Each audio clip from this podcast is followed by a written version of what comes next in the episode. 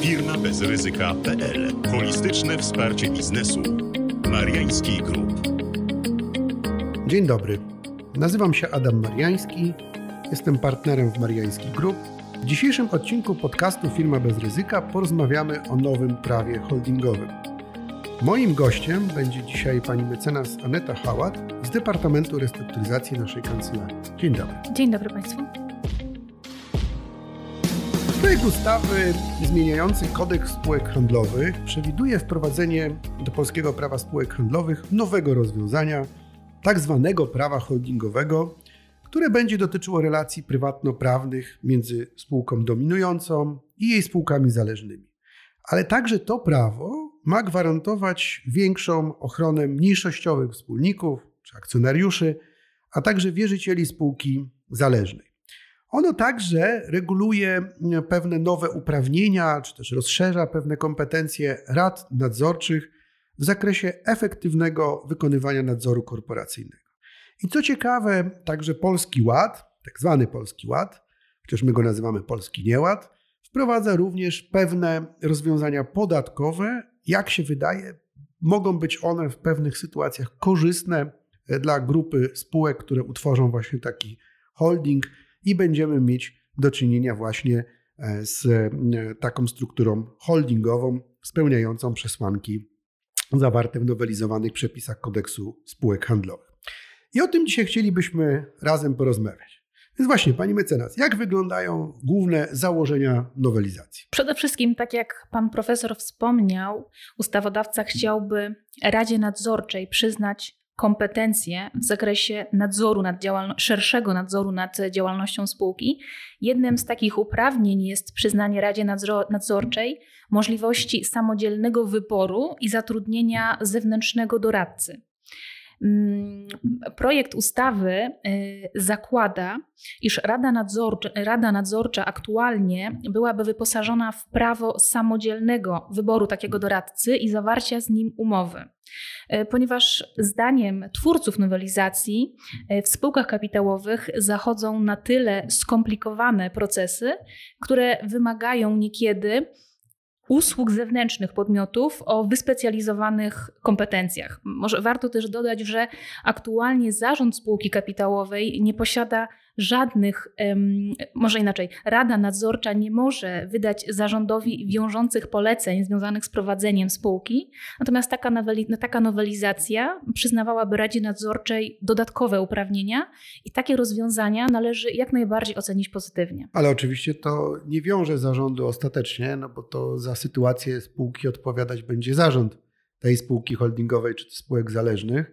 Jednakże no, taka sugestia, od Rady Nadzorczej określonego, ściśle określonego działania może być później oceniana w zakresie wykonania obowiązków przez członków zarządu, na przykład w zakresie udzielenia oczywiście, Oczywiście, natomiast e, Rada Nadzorcza, jeżeli uzyska taką opinię i jeżeli zarząd będzie działał zgodnie z taką opinią, nawet gdyby doszło do szkody, wówczas zarząd czy członkowie zarządu mogą takiej odpowiedzialności się uchylić. Natomiast jeżeli zarząd będzie działał wbrew zaleceniom Rady Nadzorczej, mm, no to wówczas taką odpowiedzialność cedowuje na siebie. I tutaj widzimy, że Rada Nadzorcza przestanie być takim listkiem figowym, który spotyka się od czasu do czasu, najczęściej przy zatwierdzaniu sprawozdania finansowego, tylko będzie mogła sprawować efektywny nadzór wkraczający w wielu obszarach w bieżące funkcjonowanie spółki, choć oczywiście nie może zastępować zarządzania, no bo to już jest kompetencja e, zarządu. Ale rozumiem, że e, ten nadzór e, w ramach nowego prawa holdingowego będzie dotyczył nie tylko samej spółki, w której ta rada nadzorcza funkcjonuje, czy również spółek zależnych. Zgadza się. Nowelizacja przyznaje Radzie Nadzorczej spółki dominującej prawa sprawowania stałego nadzoru również nad spółkami zależnymi należącymi do grupy spółek, natomiast tylko w zakresie realizacji interesu grupy spółek. Czyli aktualnie, jeżeli oczywiście ten projekt zostanie przyjęty, E, członkowie Rady Nadzorczej będą mogli zwracać się do zarządu, do prokurentów oraz do wszystkich osób zatrudnionych w spółce, w tym również na podstawie umów cywilnoprawnych, e, o przekazanie wszelkich informacji informacji, dokumentów, sprawozdań lub wyjaśnień potrzebnych do nadzoru nad spółką. No i wiadomo, tutaj naj, najistotniejszymi informacjami byłyby, byłby właśnie kwestie stanu majątkowego spółki, e, spółki zależnej lub spółki powiązanej. Rozumiem, że też w ramach tych e, proponowanych e, przepisów mamy, nie wiem jak to nazwać, dokreślenie, sprecyzowanie zasad odpowiedzialności za szkodę wyrządzoną spółce przez decyzję organów. No bo do tej pory dość problematyczne było oddzielenie ryzyka biznesowego od e, umyślnego, czy też nieumyślnego, ale wynikającego z, pewnego, z pewnych zaniechań działania przeciwko interesowi spółki. A tam, gdzie podejmujemy no, klasyczne ryzyko, tak? bo przecież wiemy, że biznes to ryzyko przede wszystkim, więc e, jeżeli to ryzyko jest, no to może być też szkoda. Nowe przepisy tutaj zdaje się zmierzają w kierunku uregulowania tej sytuacji, choć chyba nie do końca one też będą precyzyjne. Dokładnie tak. E, ustawodawca zamierza wprowadzić tak zwaną zasadę biznesowej oceny sytuacji, czyli jak to, nazywa, jak to z angielska business judgment, e, business judgment rule. E, to jest wyłączenie odpowiedzialności za szkodę wyrządzoną spółce przez decyzje organów, które okażą się błędne, o ile były one podejmowane w granicach uzasadnionego ryzyka biznesowego w oparciu o adekwatne do okoliczności informacje. No, tyle nowelizacja, tyle, tyle ustawodawca. Natomiast... No właśnie, a co w praktyce to znaczy? To, czy wiemy już, co to może znaczyć?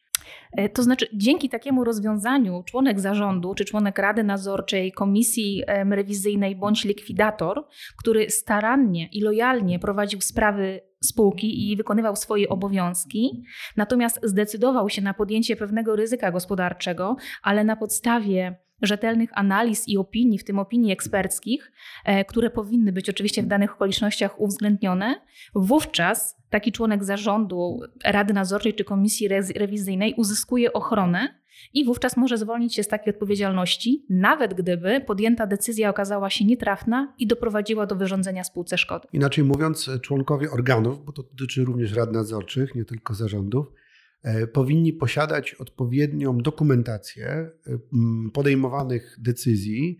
E, ewentualnie w spółce powinny być odpowiednie procedury chroniące właśnie przed zarzutem tego lekkomyślnego działania, czyli w jaki sposób są podejmowane decyzje, w jaki sposób weryfikuje się rzetelność pozyskanych informacji i prognozy gospodarcze. I ten, rozumiem, ten cały zestaw dokumentów, no mówimy ogólnie, bo to w każdej sytuacji będzie trochę inny zestaw dokumentów, czy też opinii, analiz, najlepiej zewnętrznych, co pani mecenas podkreśliła, będzie chronił takiego członka zarządu przed odpowiedzialnością. Czyli jeżeli ktoś podejmie decyzję, że wybuduje osiedle mieszkaniowe, a za trzy lata zmienią się warunki rynkowe i już nie będzie boomu na mieszkania, nie zakładam, że tak będzie, ale podaję jako przykład, no i firma z tego tytułu zaciągnie kredyty i mówiąc kolokwialnie zbankrutuje, no to trudno mu postawić będzie zarzut, e, że działał na szkodę spółki, no bo podjął normalne ryzyko biznesowe. Dokładnie tak. I być może jeszcze uzyska aprobatę Rady Nadzorczej. Właśnie. I wtedy jak ma tą aprobatę Rady Nadzorczej, to jeszcze ma dodatkowe potwierdzenie, zwłaszcza też w układzie holdingowym, o czym dzisiaj będziemy jeszcze mówić, tego, że te decyzje były prawidłowo, rzetelnie, racjonalnie podejmowane z uwzględnieniem naturalnego stopnia ryzyka biznesowego. Ale jak tego nie będzie, albo czyli dokumentacji nie będzie, albo te decyzje zostaną podjęte tak po prostu, bo nie można tak było określić, taka jest decyzja właściciela, no to wtedy w dalszym ciągu będzie to, może to być potraktowane jako lekkomyślne działanie i rozumiem, że dalej odpowiedzialność y, członków zarządu, a nawet Rady Nadzorczej istnieje. Oczywiście, oczywiście ustawodawca y, wydaje się, iż stoi na stanowisku, iż no, decyzja powinna zawsze wiązać się z jakąś odpowiedzialnością, a w szczególności jeżeli dane działanie było uznane jako lekkomyślne. Więc tak wówczas odpowiedzialność pozostanie. No dobrze, oczywiście praktyka ukształtuje, co to jest rzetelne działanie, a co to jest lekkomyślne działanie. Natomiast niewątpliwie wiemy, że trzeba posiadać odpowiednią dokumentację, myślę tutaj o członkach organów, zasad podejmowania i, i kryteriów podejmowania określonych decyzji. Wróćmy zatem jakby bezpośrednio też do tych samych rozwiązań dotyczących struktury holdingowej. No bo do tej pory też pojawiał się problem odpowiedzialności mm, e, za zobowiązania, kiedy te zobowiązania dotyczą tylko jednej ze spółek zależnych, e, może nawet tam były specjalnie przerzucone i tam e, umiejscowione po to, żeby obciążały spółkę, która właśnie upada. E, jaka zatem będzie zmiana w zakresie odpowiedzialności pomiędzy spółkami w tej grupie holdingowej?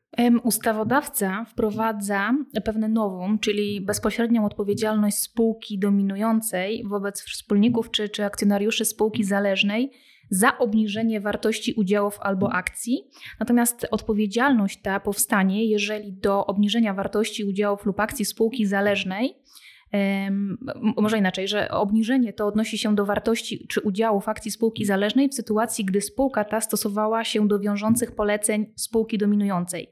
Więc może warto tutaj wspomnieć, że, że taką przeciwwagą dla odpowiedzialności za obniżenie wartości udziałów są te wiążące polecenia wydawane przez spółkę dominującą, a które dotyczyć mają prowadzenia spraw w spółce zależnej. I spół, natomiast spółka zależna oczywiście może odmówić w pewnych określonych sytuacjach wykonania tego wiążącego polecenia, w szczególności gdyby miało to prowadzić do niewypłacalności lub gdy mm, e, takie polecenie stanowiłoby zagrożenie dla spółki.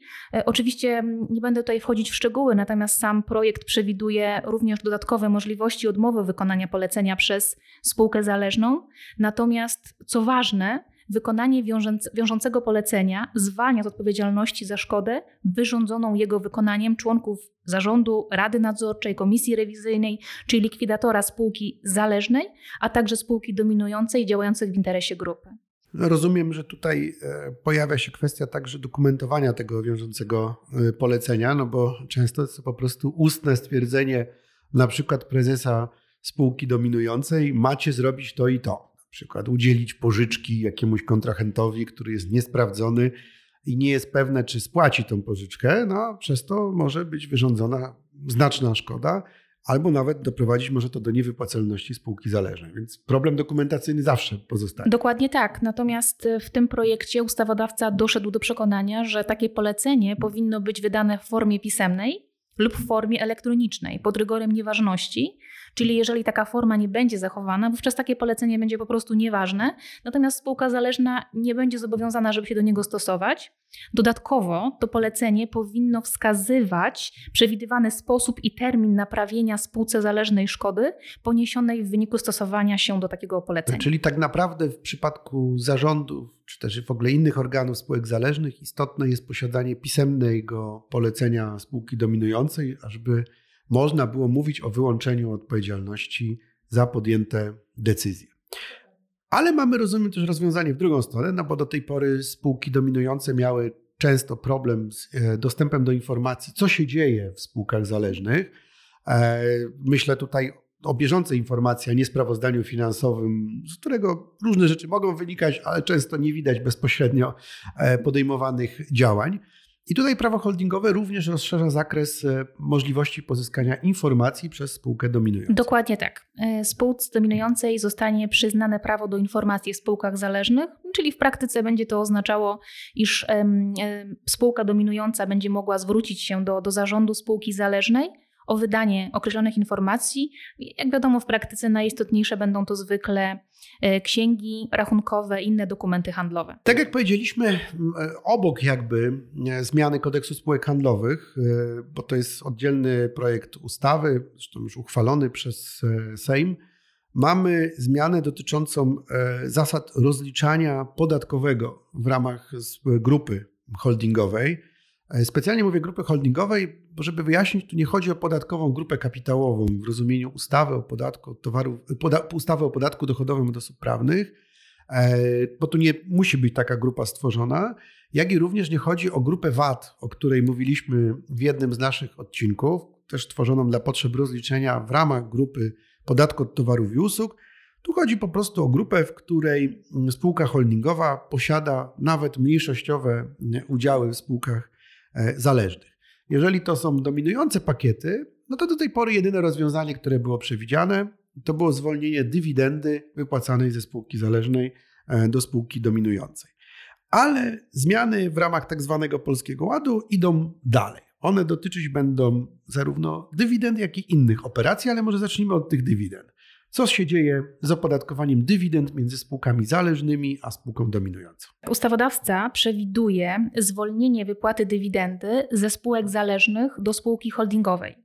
E, natomiast w przypadku otrzymania przez spółkę holdingową dywidendy ze spółek zależnych, 90% e, tej dywidendy będzie zwolniane z podatku CIT, e, czyli oznacza to w praktyce, że jedynie 5% wartości otrzymanej dywidendy jest opodatkowane stawką 19% CIT-u, natomiast pełnym zwolnieniem zostaną objęte zyski osiągane przez spółkę holdingową ze zbycia udziałów lub akcji w spółkach zależnych, czyli to jest dodatkowe, czyli drugie zwolnienie podatkowe. Inaczej mówiąc, jeżeli mamy dominujący pakiet y, mający istotny wpływ na spółkę zależną, czyli ponad 25% udziałów, to oczywiście tam się przelicza w zależności od posiadanego prawa głosów, to wtedy dywidenda jest w całości zwolniona. Natomiast w pozostałych sytuacjach mieliśmy do tej pory dywidendę opodatkowaną w spółce y, zależnej, no bo nie korzystała z tego zwolnienia dywidendowego opartego na dyrektywie Unii Europejskiej.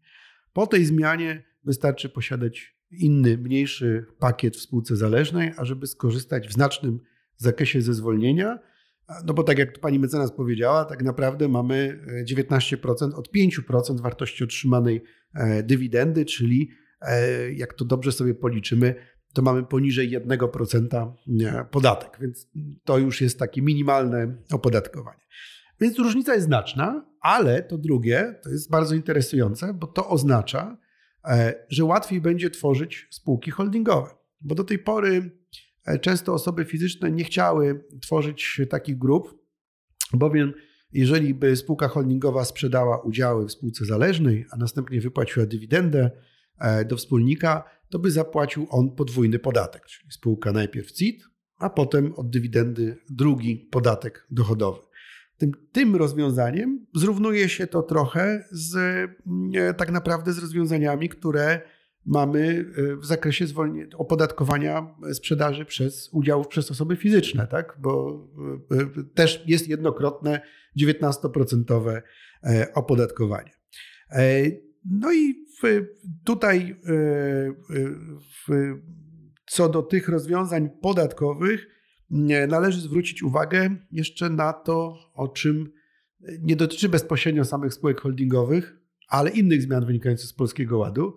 E, otóż trzeba pamiętać, że w świetle nowych regulacji restrukturyzacja musi być przemyślana. Czyli jak tworzymy grupę holdingową, to musimy stworzyć ją raz a porządnie, ponieważ ustawodawca nam wprowadził zniesienie neutralności reorganizacji, jeżeli jest po raz kolejny przeprowadzana. Czyli tylko pierwsza jest neutralna podatkowa, co jest sprzeczne e, z prawem e, unijnym.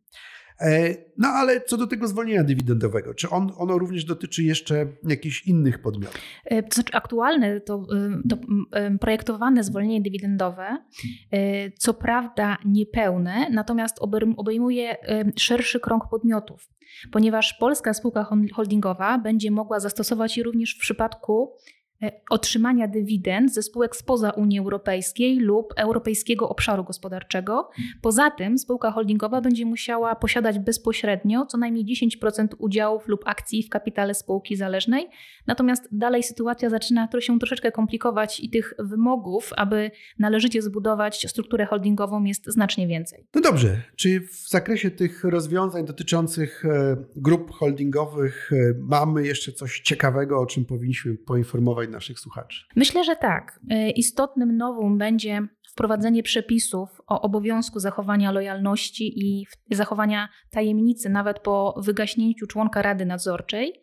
I co bardzo istotne dla praktyki, ustawodawca zamierza rozwiązać spory doktrynalne w zakresie mandatu i kadencji członka zarządu, to znaczy zgodnie z projektem kadencja członków organów spółki ZO i spółki akcyjnej ma być obliczana w pełnych latach obrotowych, natomiast oczywiście umowa lub statut spółki może stanowić inaczej. Myślę, że będzie to znaczne rozwiązanie dla, znacznie, znaczne ułatwienie dla praktyki. Tym bardziej, że w praktyce czasami obserwujemy, że zarząd e, pełni swoje obowiązki a właściwie to nie ma zarządu, bo ktoś zapomniał, że była kadencja 4 lata. Dokładnie tak. I nie powołał nowego zarządu i się okazuje, że przez 3 lata, 4 lata nie ma w spółce żadnego zarządu, bo kadencja się skończyła, mandaty członków wygasły, nowych nie powołano, więc spółka działała bez należytego umocowania, co może rodzić bardzo daleko idące konsekwencje w praktyce kontraktowej na przykład. Kontraktowe, tak, odszkodowawcze to jest jedna kwestia. Druga, gdyby KRS powziął taką informację, iż spółka działa bez zarządu, mogą pojawić się określone sankcje w postaci grzywny, postępowanie przymuszające. No i oczywiście nie możemy zapominać aktualnie o Centralnym Rejestrze Beneficjentów Rzeczywistych, czyli niezgłoszenie określonych danych do tego rejestru wiąże się z bardzo wysokimi karami pieniężnymi. Jak Państwo widzą, nowe rozwiązania ułatwiają prowadzenie działalności w ramach e, grup holdingowych, ale także nakładają szereg obowiązków na członków rad nadzorczych, zarządów, innych organów e, tych e, spółek. Mamy także częściowo korzystne rozwiązania podatkowe, które mogą zachęcić do tworzenia takich grup holdingowych. Jak zwykle diabeł tkwi w szczegółach, w związku z tym nie możemy powiedzieć, że te rozwiązania są adekwatne dla każdej grupy podmiotów powiązanych chociażby przez jednego właściciela czy jedną grupę właścicieli. Natomiast warto się zastanowić, czy taka struktura nie będzie atrakcyjna zarówno w zakresie prostoty prowadzenia biznesu, przepływu informacji, jak i również pod względem podatkowym, e, bez potrzeby tworzenia podatkowej grupy kapitałowej, czy też grupy kapitałowej e, w VAT-ie, e, tylko po prostu samej struktury holdingowej. Niemniej ten temat w każdym przypadku trzeba odrębnie analizować i rozważyć. Dziękuję bardzo Pani mecenas za dzisiejsze spotkanie i do usłyszenia w naszych kolejnych podcastach. Dziękuję. Dziękuję, do usłyszenia.